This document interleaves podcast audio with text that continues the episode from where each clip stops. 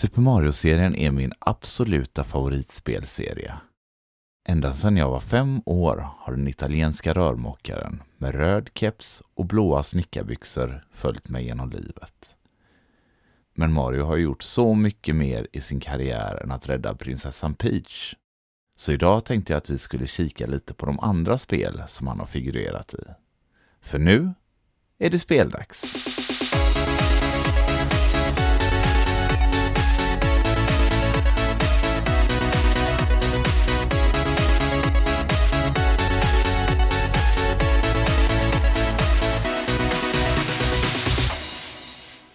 Mario, Mario, Mario. Så mycket kärlek jag känner till den här karaktären.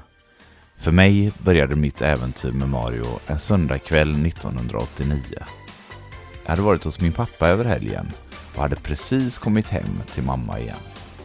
Jag och mamma bodde i en tvåa i Kobbegården. ett lägenhetsområde byggt på 60-talet som ligger i den annars villatäta orten Askim strax söder om Göteborg. Där på golvet i vardagsrummet stod en grå liten låda som jag mycket väl kände igen. Ett Nintendo. Jag hade spelat en del Nintendo tidigare. Min moster hade ett och ett par av mina vänner hade även de sitt egna Nintendo. Mamma och jag hade vid olika tillfällen hyrt ett Nintendo samt några spel över helgen på den lokala videobutiken. Men nu berättade hon att det här Nintendot var vårt. Jag minns fortfarande lyckan och glädjen och att både jag och mamma satte oss på golvet framför tvn för att spela Super Mario Bros. Under åren så har jag spelat varje äventyr som Mario har tagit sig an. Oftast hemma i svampriket, men ibland har vi åkt iväg tillsammans till Isle Delfino, New Donk City eller till och med ut i rymden.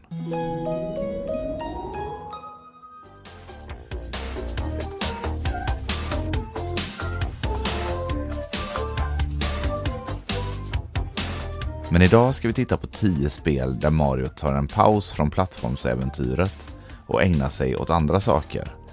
Spelen är inte i någon rangordning och det finns många Mario-spel som jag inte har med idag. Det här är helt enkelt 10 Mario-spel som jag haft väldigt kul med och som inte tillhör Mainline-serien. Nu kör vi igång!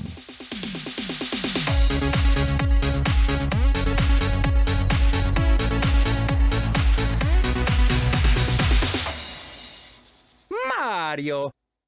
Mario Party spelserie. Jag fuskar lite redan med det första spelet och väljer hela serien istället. Jag tror Mario Party är den spelserie som är mest välkänd utanför Mario Kart och de vanliga Super Mario Bros-äventyren. Så det kändes mest logiskt att börja här. Det första Mario Party släpptes till Nintendo 64 den 9 mars 1999. Nintendo 64 var den ultimata multiplayer-konsolen med möjlighet att ansluta fyra handkontroller direkt till konsolen. Och efter succéspel som Mario Kart 64 och Goldeneye så hade de flesta Nintendo 64-ägarna åtminstone två kontroller var. Så det var inte konstigt att Mario Party blev en given hit. I Mario Party ska man som spelare ta sig runt ett spelbräde. Med hjälp av tärningsslag tar man sig fram och efter att alla spelare fått slå en omgång så är det dags för ett minispel.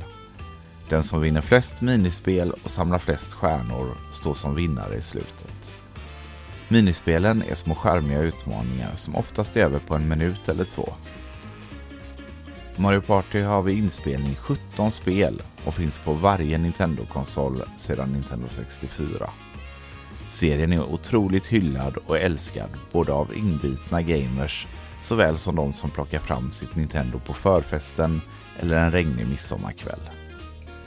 Mario Partys storhet är att i stort sett alla kan vara med och spela, även om man inte gillar tv-spel eller helt enkelt inte har spelat så mycket spel innan. Även om serien hade några svåra år under 10-talet så har det senaste spelet, Mario Party Superstars till Switch, verkligen lyft serien igen. Och jag hoppas på fler roliga Mario Party-spel i framtiden.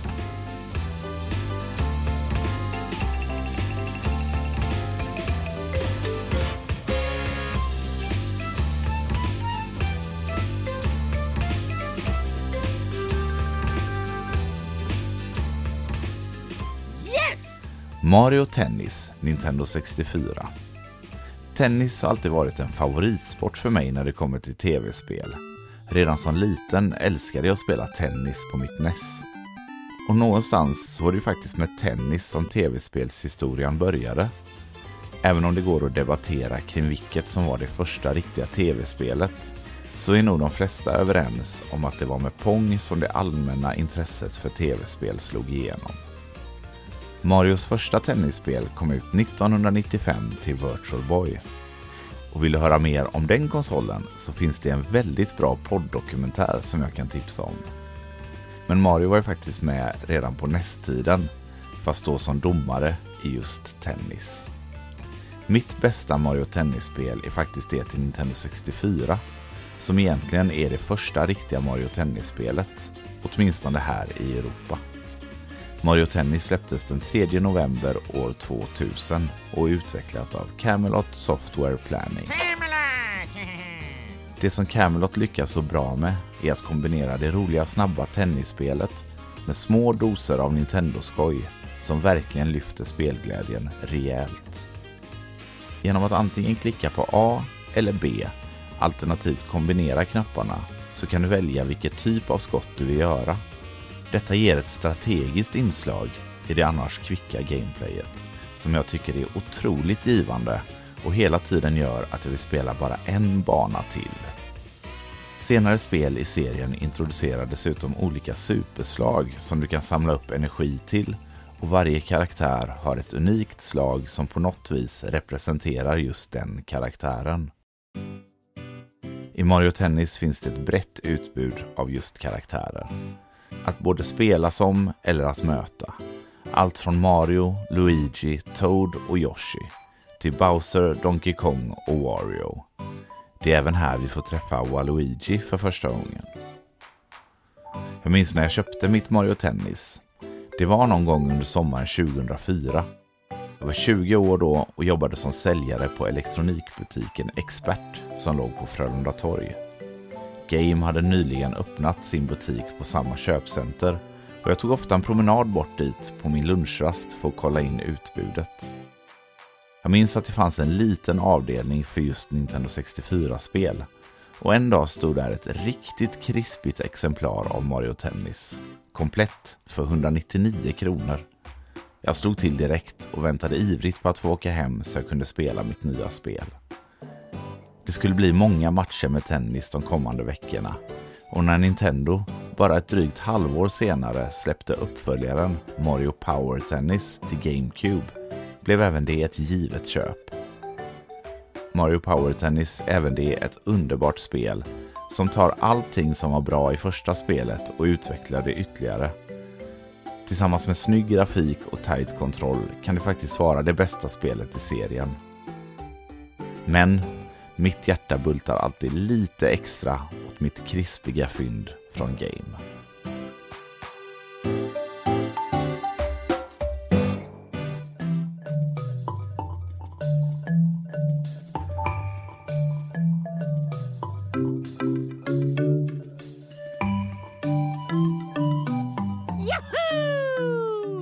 Super Mario Maker, Nintendo Wii U.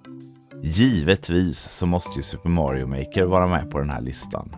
För er som vill veta lite mer om Super Mario Maker så finns det ju en väldigt bra podd-dokumentär som jag kan tipsa om. Men skämt åsido, Mario Maker var verkligen ett genidrag av Nintendo. Eller kanske en otroligt lyckad slump. Men med Mario Maker så visade verkligen Nintendo Wii U's storhet och möjlighet. Som den kreativa person jag är så blev jag helt överväldigad när jag fick nys om spelet via en Youtube-video och kunde inte köpa en konsol med spelet snabbt nog. I Mario Maker skapar du dina egna Mario-banor som du sedan kan ladda upp och låta spelare från hela världen spela. Du kan välja mellan den klassiska grafiken från Super Mario Bros 1, Super Mario Bros 3 eller Super Mario World men också från det då senaste Mario-äventyret, New Super Mario Bros U. Efter det var det bara att släppa loss fantasin och låta kreativiteten flöda. Det var något oerhört magiskt med att logga in på sitt Wii U för att se att folk från alla världens hörn hade spelat ens banor, lämnat omdöme och ibland kanske skrivit ett litet meddelande. Höjden av mitt skapande var när den norska youtubern Tom Andy spelade en av mina banor på sin Youtube-kanal. Mario Maker fick en något nedbantad version till Nintendo 3DS och några år senare kom en fenomenal uppföljare till Nintendo Switch.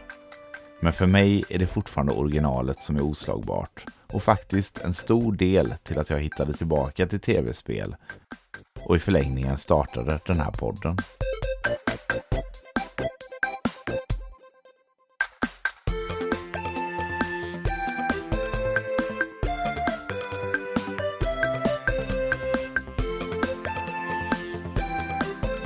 Here we go! Mario vs Donkey Kong, Game Boy Advance. Mario började ju faktiskt sitt liv som karaktär när han mötte Donkey Kong i arkadspelet med samma namn. Så kampen dem emellan är allt annat än ny. I Mario vs Donkey Kong, som släpptes till Game Boy Advance den 19 november 2004, andades Nintendo nytt liv i den gamla rivaliteten. Spelet är kraftigt inspirerat av Gameboy-spelet Donkey Kong som släpptes 1994 och som oftast kallas just Donkey Kong 94. Här möter plattformsmoment, pussel och till och med inslag som närmast kan jämföras med det gamla PC-spelet Lemmings. Man styr Mario genom diverse korta men kluriga banor där han med hjälp av olika små pussel tar sig vidare i spelet. I vissa banor ska han dessutom guida små leksaker i sin egen avbildning genom att stänga av och starta olika delar av banan. I slutet av varje värld möter vi Donkey Kong i en bossfight och efter det får man tillgång till nästa värld. Det här spelet är kanske det som är mest likt klassiska Mario-spel på den här listan, men spelserien skiljer sig betydligt mer i framtida spel. I de kommande spelen på Nintendo DS och 3DS så har Marios roll minskat rejält och mer fokus har istället hamnat på de små mini-Mario-figurerna med ännu mer fokus på pussel och den lämmingslika spelmekaniken. Jag älskar den här spelserien och den gör sig verkligen som bäst i handhållet format där du snabbt kan plocka upp din konsol för att spela en liten bana eller nöta på om du har gott om tid. Det finns även ett stort värde i att spela om banorna för att kunna rädda så många Mini-Mario som möjligt och få en högre rank. I skrivande stund så har Nintendo dessutom utannonserat en remake av Mario vs Donkey Kong som ska släppas på Nintendo Switch i februari 2024. Och det ska bli riktigt kul att återupptäcka spelet i en ny tappning.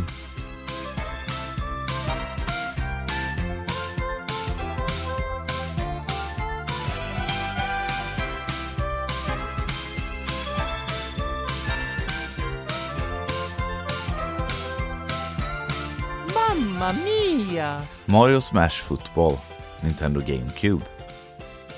När jag gick i gymnasiet så spelade jag och min lillebror väldigt mycket Playstation 2 tillsammans. Soldier of Fortune, GTA Vice City och Tekken Tag Tournament gick alla varma under de åren.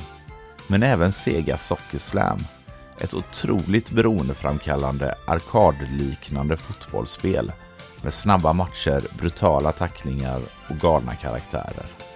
Det blev snabbt en favorit och vi spelade oändligt många matcher under 2002 och 2003. Några år senare skulle Mario få sitt första fotbollsspel som kändes mer inspirerat av Sega Soccer Slam än av EAs Fifa.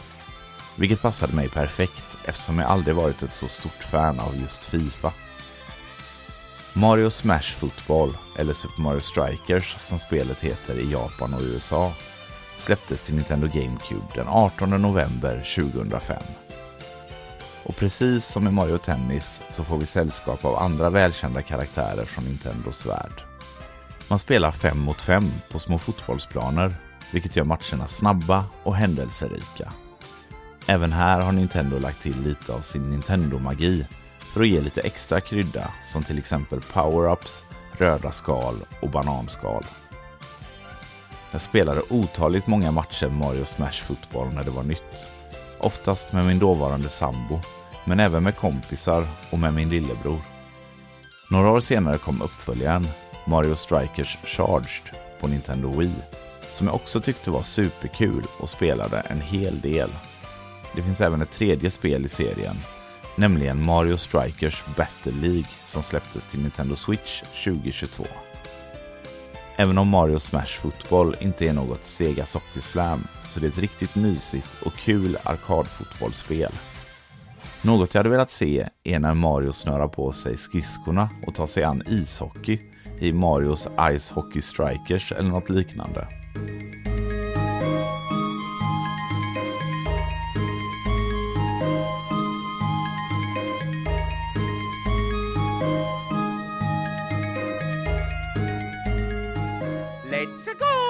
Mario Luigi Partners in Time, Nintendo DS.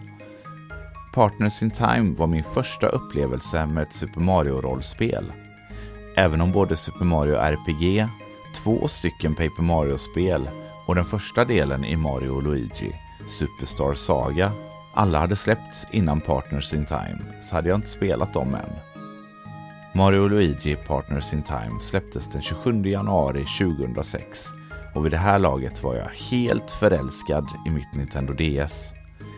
Det var den konsol jag spelade absolut mest och jag var ständigt på jakt efter nya spelupplevelser. Så en dag när jag var nere på min lokala leksaksaffär och pratade med min vän Angelo som jobbade där. Angelo har för övrigt filmat och redigerat min Game Room Tour som finns på Youtube. Hur som helst var jag ute efter något nytt att spela och det här måste varit någon gång tidigt i februari för jag minns att Partners in Time var nytt. Även om jag vid det här laget inte var någon RPG-fantast så tyckte jag spelet såg kul ut och eftersom jag alltid älskat det mesta som har med Mario att göra gav jag spelet en chans. Det tog inte många spelminuter innan jag var investerad i spelet. Den charmiga storyn, snygga pixelgrafiken och mysiga soundtracket gjorde spelminuterna till timmar och innan helgen var slut hade jag avslutat mitt första Super Mario-rollspel med en stark aptit för mer. Mario Luigi-spelen är en utmärkt introduktion i RPG-genren med lätt story och rolig dialog samt turbaserade strider som använder tillräckligt mycket strategi för att hålla sig intressanta men ändå inte för avancerade. I Partners in Time spelar vi som Mario och Luigi både som barn och som vuxna. De vuxna Mario och Luigi åker tillbaka i tiden för att hjälpa sig själva som barn att rädda prinsessan Peach från aliens. Ja, storyn är lite märklig men väldigt underhållande.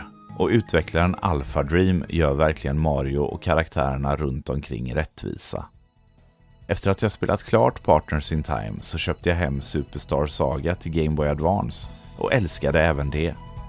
Sedan dess har jag spelat klart alla spel i serien utöver det sista, Paper Jam, som släpptes på 3DS 2015.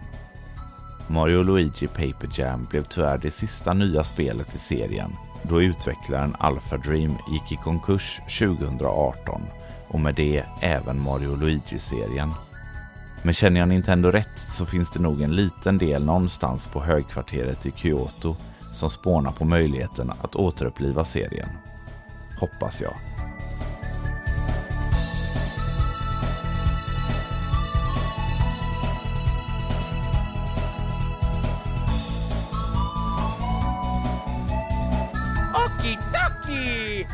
Mario Kart 64, Nintendo 64.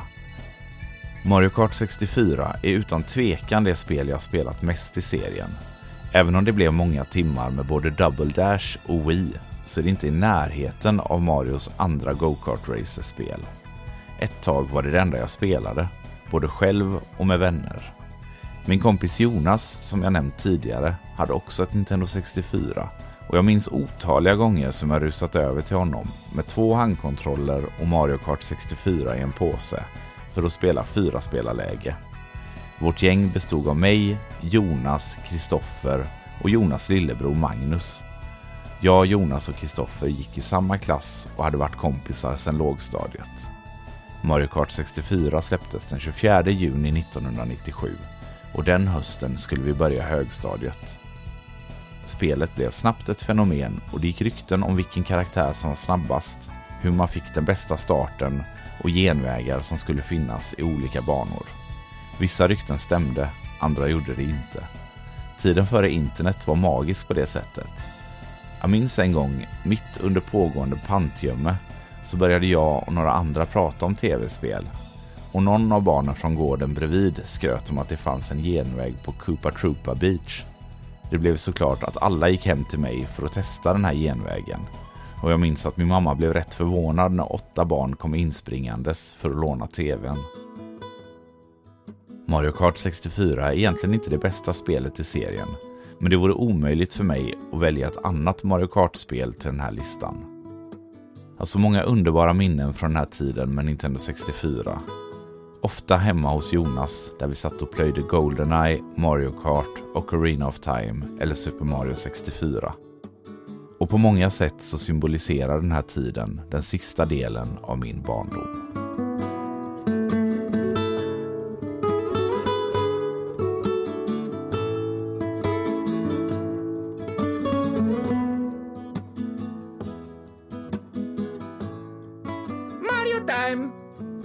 Mario plus Rabbids Kingdom Battle Nintendo Switch Samarbetet mellan Nintendo och olika tredjepartsutvecklare har varit minst sagt knackig under åren.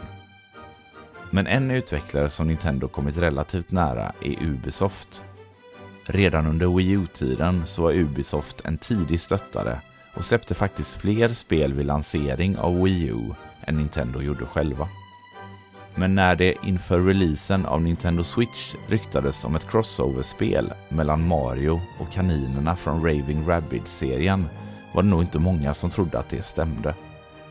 Ett halvår senare på Ubisofts E3-presentation 2017 hälsade vdn för Ubisoft, Yves Guillemont, den legendariska spelproducenten Shigeru Miyamoto upp på scen för att tillsammans visa det kommande Mario plus Rabbids Kingdom Battle. It is my great honor to welcome a very special guest, someone I truly admire. Please.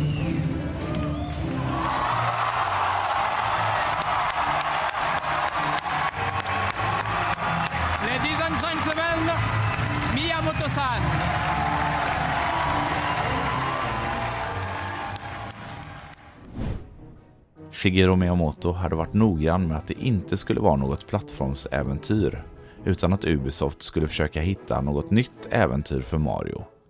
Något Ubisofts team, lett av David Soliani, tog fasta på. Mario plus Rabbids Kingdom Battle är ett turbaserat taktiskt RPG, likt till exempel Fire Emblem eller Final Fantasy Tactics. Fast med en lättare och något mer Mario-esk story. Till en början var jag skeptisk eftersom jag inte är något stort fan av Raving Rabbids-spelen. Men eftersom jag älskar Mario och även taktiska RPG'n så var jag tvungen att ge det en chans. Och det tog inte lång stund innan jag var helt fast i spelet. Med en perfekt balans av humor, strategiska element och Mario-magi så har Ubisofts lyckats att skapa ett spel som lika väl hade kunnat komma från Shigeru Miyamoto och Nintendo själva. Bättre betyg får man nog leta efter. Spelet släpptes den 29 augusti 2017 och sålde väldigt bra.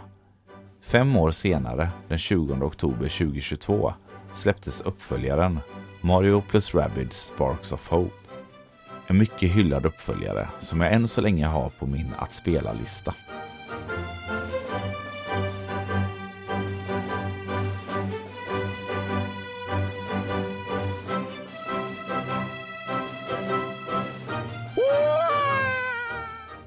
Mario Golf World Tour Nintendo 3DS. Golfspel har inte varit min favorit när det kommer till sportspel. Men när Wii släpptes 2006 så tyckte jag att golfdelen i Wii Sports var helt magisk. Jag och min kompis Niklas brukade träffas för att, som vi sa, gå några hål innan vi åkte och tränade eller vad vi nu skulle hitta på. När vi hade tröttnat på Wii Sports och ville ha något mer avancerat så gick vi vidare till Tiger Woods PGA Tour 07 och även det spelade vi extremt mycket. I samma veva så inväntade jag Mario Golf till Wii. Det var ju det givna golfspelet ändå. Men Mario Golf hoppade märkligt nog över både Wii och Wii U. Rörelsegimmicken till trots. Istället så utvecklade Camelot Software ett nytt Mario Golf till Nintendo 3DS som släpptes den 2 maj 2014. men då hade mitt och Niklas golfsug lagt sig, så detta var inget vi spelade då. Tre år senare, 2017, så köpte jag mig ett Nintendo 3DS XL, Super Nintendo-versionen, tillsammans med tre spel. New Super Mario Bros 2, Kid Icarus Uprising och Mario Golf World Tour. Jag var osäker på om jag skulle behålla de två sistnämnda, så jag startade mitt nyinköpta 3DS och satte i Mario Golf. Tidigare spel i serien som kommit handhållet hade varit små golf-RPG'n, men det här var ju precis som Mario Golf hade varit på Nintendo 64 eller GameCube. Jag var sjukt imponerad av grafiken och spelet fångade mig ganska direkt. Det slutade med att jag behöll alla tre spel och även om Mario Golf World Tour inte erbjuder något nytänk eller någon innovation så var det väldigt häftigt att spela ett fullfjädrat Mario Golf handhållet. Och spelet kommer alltid förknippas med den dagen jag köpte mitt nya Nintendo 3DS.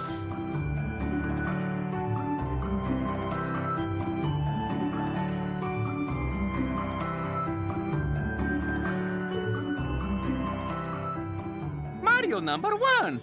Paper Mario The Thousand Year Door. Det går ju inte att prata om Marios sidoäventyr utan att nämna Paper Mario. Som jag nämnde tidigare så spelade jag inte Paper Mario när det begav sig. Men efter att jag blivit kär i Mario och Luigis RPG-äventyr så började jag snegla på Paper Mario. Det första Paper Mario jag spelade var Super Paper Mario till Nintendo Wii. Nu vet jag att det här inte är allas favoritdel i serien, men jag tyckte att det var svinkul. Jag minns att jag spelade konstant en helg och tyckte att gimmicken att byta från 2D till 3D var väldigt innovativ och rolig. Men däremot så saknade jag RPG-elementen. Det skulle dröja ytterligare några år innan jag äntligen köpte Paper Mario The Thousand Year Door. Det var en kund på Game som hade bytt in spelet och jag kunde med min personalrabatt köpa ett komplett fint exemplar för 150 kronor. Rätt bra pris ändå. När jag väl satte mig för att spela The Thousand Year Door så tog det inte lång tid innan jag förstod vad alla pratade om. Trots att spelet vid det här laget hade 6-7 år på nacken så var grafiken och designen magisk. Storyn och dialogen var rolig, combaten och levelingssystemet beroendeframkallande. Jag tillbringade många timmar med Thousand Year Door och när äventyret var slut hade jag klockat in över 40 timmar något som inte tillhörde vanligheterna för mig på den här tiden. Jag spelade mest Metroidvanias, plattformsspel och shoot em ups då och var mer van vid att spel tog 5-15 timmar att klara. Så tillbringa mer än dubbelt så lång tid med ett och samma spel kändes som en bedrift. Detta tillsammans med Mario och Luigi-spelen gjorde att jag började leta efter andra RPG'n att sätta tänderna i. Och med tiden har det blivit en av mina favoritgenrer. Efter The Thousand Year Door har Paper Mario-serien levt ett märkligt liv. Först kom som sagt Super Paper Mario till Wii. Och även om jag tycker att det är ett grymt spel så kan jag förstå att det inte riktigt var man var ute efter efter att ha spelat The Thousand Year Door. De kommande spelen till 3DS, Wii U och Switch har alla gått åt rätt håll men haft någon mekanik som inte uppskattats av fansen. Dessutom har utvecklaren Intelligent Systems kända från bland annat Fire Emblem och Advance Wars-serien, själva sagt att Nintendo har väldigt strama ramar när det kommer till karaktärsbyggen och att introducera nya karaktärer i Paper Mario-spelen. Vilket har gjort att storyn har haltat något och spelen har fyllts av Toads och Goombas. Men nästan 20 år efter originalets release på GameCube så bekräftade Nintendo att en remake av The Thousand Year Door äntligen är på väg till Nintendo Switch med release under 2024.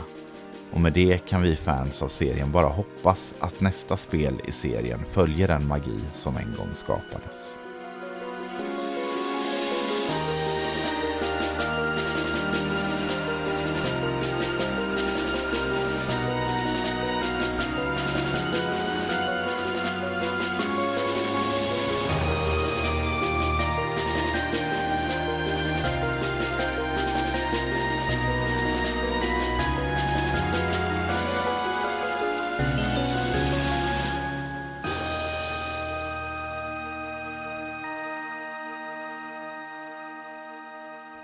För att du har lyssnat.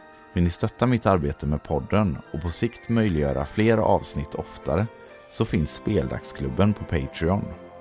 Som medlem får man tidigare tillgång till avsnitt, möjlighet att rösta fram avsnitt och mycket, mycket mer. Läs mer på patreon.com speldags.